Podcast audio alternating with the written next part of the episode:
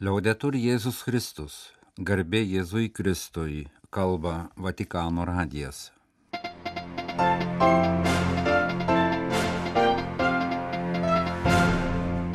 Malonūs klausytojai, šioje šeštadienio lapkričio 25-osios programoje popiežius Pranciškus lankysis Veronoje.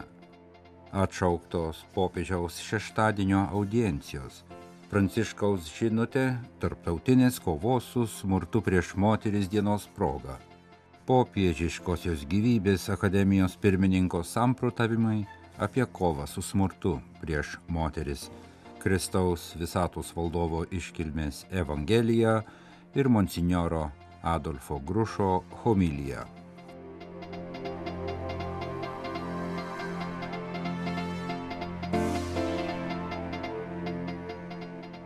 2024 metų sėkminių išvakarėse, gegužės 18-ąją, popiežius Pranciškus su vienos dienos pastoraciniu vizitu lankysis Veronoje. Gegužės 18 dieną įvyks trys pagrindiniai popiežiaus vizito renginiai - susitikimas Veronos arenoje, su bažnytinės bendruomenės ir civilinės visuomenės atstovais, kurio metu bus paminėtas Šventojo Zenono, aštuntojo ir benegarsiausio Veronos vyskupo mirties 1650 metinės, apsilankimas ir pietus Montorijo kalėjime ir šventosios mišios Bentegodį stadione Apie Pranciškaus pastoracinį vizitą pranešė Veronos vyskupas Domeniko Pompilis šeštadienį spaudos konferencijoje Veronos socialinės doktrinos festivalio fone. Penktadienį festivalio dalyvius laišku pasveikino popiežius Pranciškus. Pasak vyskupo popiežiui, Verona yra tautų ir dialogo kryškelė, pasikeitimo nuomonėmis vieta, galinti ypač dabartiniais sudėtingais laikais sustiprinti taiką. Pagrindinės popiežiaus susitikimo su Veronos bažnyčios ir visuomenės atstovais temos bus taika, nusiginklavimas ir migrantai, pažymėjo vyskupas Pompilis 2022 metais paskirtas Veronos vyskupu popiežius Pranciškus dėl lengvo susirgymo šeštadienį lapkričio 24 dieną negalėjo surenkti programuotų audiencijų. Jos buvo atšauktos, informavo Matėjo Brūny Šventojo sostos spaudos salės direktorius. Šeštadienio audiencijose buvo numatyti popiežiaus privatus susitikimai su dviem Romos kūrijos vadovais, dviem apaštališkaisiais nuncijais, dviem vyskupais ir Gvinėjos Bysau prezidentu. Spaudos salės direktorius trumpame komunikate informavo šį rytą numatytos šventojo tėvo audiencijos atšauktos dėl lengvo gripo. Šeštadienio popietę popiežius atliko sveikatos patikrinimo tyrimus Romos džemelį ligoninėje, po to sugrįžo į savo namus Vatikane. Tuo metu popiežiaus socialinio tinklo X paskyroje šeštadienio popietę pasidalyta Pranciškaus žinia tarptautinės kovos su smurtu prieš moteris dienos proga. Smurtas prieš moteris yra mūsų visuomenės kamuojanti nuodinga pikdžiulė, kurią reikia pašalinti su šaknimis. Šios šaknys, tęsė X paskyros žinioje popiežius, auga iš ankstinio nusistatymo ir neteisingumo dirboje. Jas reikia pašalinti ugdomaisiais veiksmais, kurie į centrą iškeltų žmogaus asmenį ir jo orumą. Ne Dievo, o aš monoteizmas, ribų nepaisimas, emocijų ugdymo trūkumas vardijo arkivyskupas Vincenzo Palija, popiežiškosios gyvybės akademijos pirmininkas lapkričio 24 vakare dalyvaudamas Romos Roturių klubo tarptautinės kovos su smurtu prieš moteris dienos proga surinktoje diskusijoje vienoje Italijos parlamento salėje. Galima pridurti, jog diskusija vyko Italiją sukrėtusio jaunos merginos nužudimo kontekste. Ranką prieš ją pakėlė buvęs vaikinas. Arkivyskupas priminė gerai žinomą senąjį biblinį pasakojimą apie žmogžudystės dramą vienoje šeimoje. Nors jį pasakoja apie du brolius, Kainą ir Abelį, teikia išvalgų ir kitoms situacijoms. Biblinio pasakojimo tekste atkreipė dėmesį Vincenzo Palija, matome, koks piktas yra Kainas. Skaitome tik jo žodžius, o Abeliui rodos neduota jokios galimybės kalbėti ir pakeisti savo brolių nuostatas. Kainas girdi tik pats save. Todėl, kai kas kalba apie aš monoteizmą arba aš stabmeldystę, stabuoju aš pakeičiame Dievą ir ant šio altoriaus paukojame svarbiausius bei gražiausius dalykus, įskaitant santykius, jausmus ir ryšius. Pasak popiežiškosios gyvybės akademijos pirmininko iškreipta vienintelio didžiojo aš teologija turėtų pakeisti, jeigu galima pasakyti, ribų teologiją. Pripažinimas, jog egzistuoja tai, kas mus riboja mūsų išorėje ir mūsų viduje, įskaitant žaizdas ir ligas. Kaip prarandamas ribų jausmas, o prie to prisideda ir virtualumo, kuriame galima tuoj pat ir greitai gauti viską, kuriama iliuzija, tada iš vyro nužudžiusio moterį galima išgirsti absurdišką pasiteisinimą - nužudžiau, nes mylėjau. Ribų praradimas meilė, kurios mums iš tiesų reikia, be kurios negalime gyventi, paverčia ją jos priešingybę. Ribų nebuvimas taip pat padeda viešėti iliuzijai, kad viskas, ką jaučiame, yra gera, kai iš tiesų reikia gilaus jausmų bei emocijų ugdymo, kartais siekiant jų išpildymo, kartais jas stabdant, taip pat ir žmogiškuose santykiuose. Tuo tarpu smurtingam vyrui pasaulis ir gyvenimas sutampa su juo pačiu. Šia prasme pasaulis be ribų ir be sienų yra pavojingas. Anot arkiviskopo Vincenzo Palija jis taip pat jaučia poreikį pabrėžti žodžio ir pokalbio meno vertę. Pernelyg dažnai ir greitai žodžiai skiriami tik išsiplūdimui, apkalboms, iškeikimui, paplavų išpilimui ant kito. Kalbama ir apie teisę įžeisti. Toks žodis yra prievartos forma ir gali atvesti prie kitų prievartos formų, tačiau žodžio funkcija turėtų būti kita - kurti ryšius, statyti tiltus. Neatsitiktinai krikščionybė yra Dievo žodžio religija, žodžio, kuris dovanoja ir siūlo, bet neverčia, kviečia, bet neprimeta. O Evangelijoje Jėzus prisistato kaip tas, kuris atėjo ne naikinti ar greuti, o tam, kad žmonės turėtų gyvenimą, kad apšiai jo turėtų. Meilė, kurios moka viešpats yra gausi, bet netotalitarinė.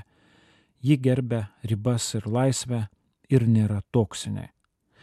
Taip pat tiesa pažymėjo arkiviskupas, jog vyrai vis dar turi mokytis gyventi lygioje ir subalansuotoje santvarkoje, kad nebejaustų tam tikro nerimo, tuštumos, pozicijų praradimo, poreikio kažką įrodyti kartais ir širkščiais būdais. Tiesa, kad mūsų laikmečių padaryta milžiniška pažanga įtvirtinant moterų orumą ir teises įvairiausiuose visuomenės gyvenimo ir veiklos sektoriuose, nors vis dar egzistuoja trūkumų ir atsilikimo kišenės, trukdančios pavyzdžiui darbo karjerą suderinti su motinystė. Šiandieniniam paaugliui tapo savaime suprantama, kad valstybės vadovė yra moteris.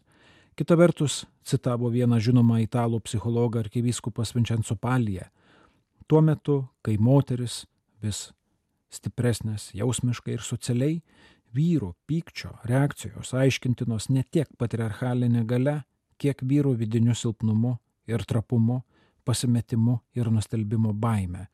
Čia vėl reikia pabrėžti ūkdymo svarbą, kuri turi išmokyti jaunuolį matyti toliau už savo, paprastai didesnį kūną, didesnius raumenis ir didesnę jėgą. Jis turi naujų būdų užduoti klausimą - kodėl ir kokia prasme esu stiprus. Ir čia girdime Jėzaus atsakymą - kas iš jūsų nori būti didžiausias, te tampa visų tarnu.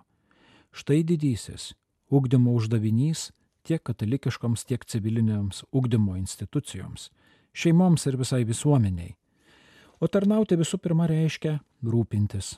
Buvimas vyrų ir tėvų turėtų būti ne vien palikonių užmesgimas, bet ir tarnavimas jiems padedant tapti pasaulio ir bažnyčios dalimi, taip pat buvimas patikima šeimos atrama ir parama žmonai, kad ji dar labiau realizuotų save savo lūkesčius ir talentus. Sutoktinio užduotis yra padėti žmonai tapti labiau moterimi, o žmonos padėti sutoktiniui tapti labiau vyru. Kartą popiežiaus pranciškaus jauniems sužadėtiniams ištartus žodžius priminė arkivyskupas Vincenzo Palija. Rūpešio, meno ir asmens orumui pagarbių santykių dėgymas yra esminė bažnyčios, kuri dažnai turi veikti kaip lauko ligoninė, gydydama šių laikinių vyrų ir moterų žaizdas misija. O naujos kartos jau kuria savo tapatybę pagal naują vyro ir sutoktinių modelį.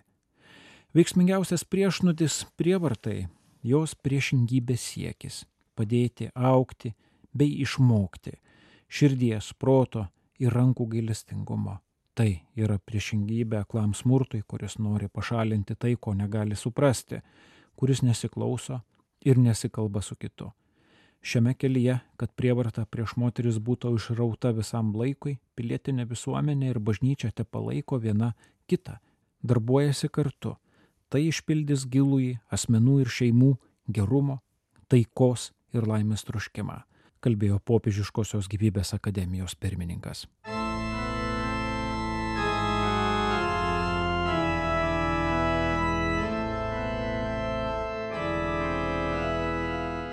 Kristaus visatos valdovo sekmadienio Evangelija pagal Matą.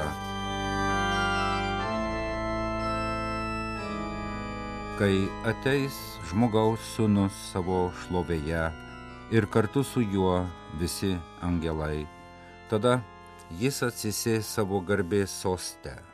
Jo akivaizdoje bus surinkti visų tautų žmonės ir jis perskirs juos, kaip piemuo atskiria avis nuo ožių. Avis jis pastatys dešinėje, o ožius kairėje. Ir tars karalius stovintiems dešinėje, ateikite mano tėvo palaimintieji, paveldėkite nuo pasaulio sukūrimo jums paruoštą karalystę, nes aš buvau išalkęs ir jūs mane pavalgydinote, buvau ištroškęs ir mane pagirdėte, buvau keleivis ir mane priglaudėte, buvau nuogas, mane aprengėte, ligonis mane aplankėte, kalinys atėjote pas mane. Tuomet teisėjai klaus, viešpatie, kadagi mes tave matėme, alkaną ir pavalgydinome, trokštantį ir pagirdėme, kadagi mes matėme tave keliaujantį ir priglaudėme, ar nuogą ir aprengėme, kadagi matėme tave sergantį ar kalinį ir aplankėme ir atsakys jiems karalius, iš tiesų sakau jums, kiek kartų tai padarėte vienam iš šitų mažiausiųjų mano brolių, man padarėte.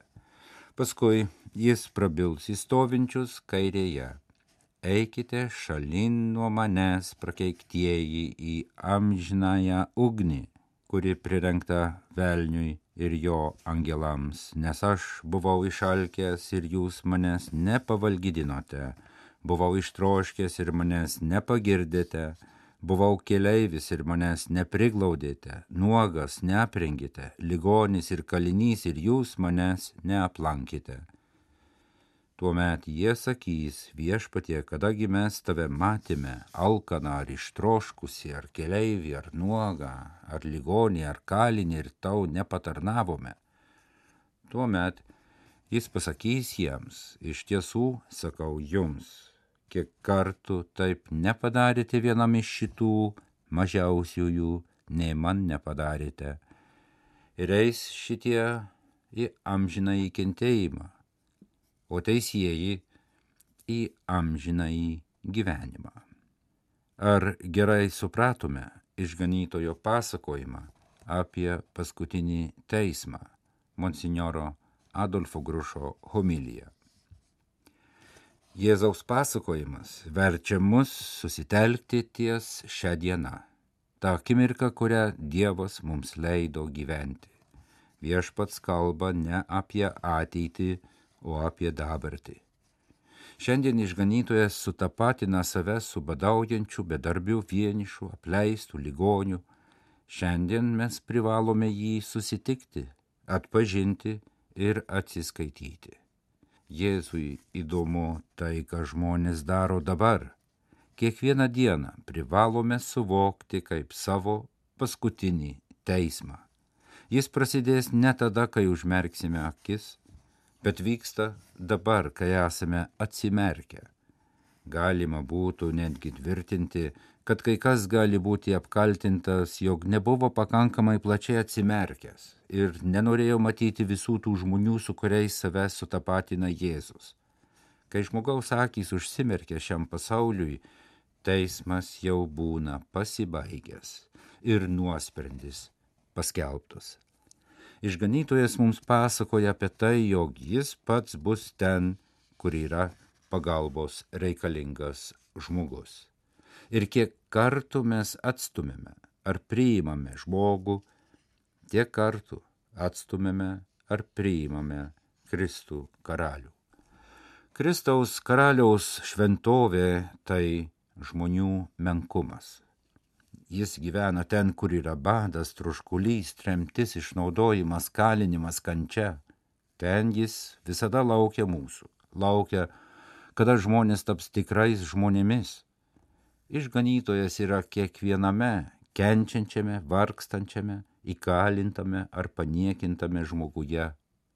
Gerai pagalvojus, reiktų pripažinti, jog savo pasakojimu apie paskutinį teismą viešpat savotiškai labai palengvino mūsų ateitį, palikdamas galimybę apsispręsti. Tikriausiai mes turėtume skubėti, padėti visiems vargstantiems, palengvinti gyvenimą vienas kitam, trokšdami turėti ramę sąžinę. Tikriausiai reikėtų visiems rūpintis, kad visur, o pirmiausia mūsų tarpe, neliktų diskriminacijos, vargo, neteisybės. Deja, reikia pripažinti, jog šioje srityje mes kaip tik ir padarome didžiausią nedėmesingumą. Staptelėję prie vargšų paprastai pasistengėme nuraminti sąžinės priekaištus numetę smulkę monetą, o dažniausiai apsimetame jo nepastebėję. Lengvai pateisiname save, sakydami, jog nesame atsakingi už pasaulyje esančią netvarką. Ir panašu, kad visiškai nesirūpiname pasinaudoti šią nepaprastą galimybę ir gūžėmės, pagalvoja apie laukiantį teismą. O dažniausiai, kad būtų ramiau, vejame tas mintis iš galvos Kažin, kodėl mes į amžinybę taip dažnai einame ant ešafoto vedamo pasmerktojo žingsniu.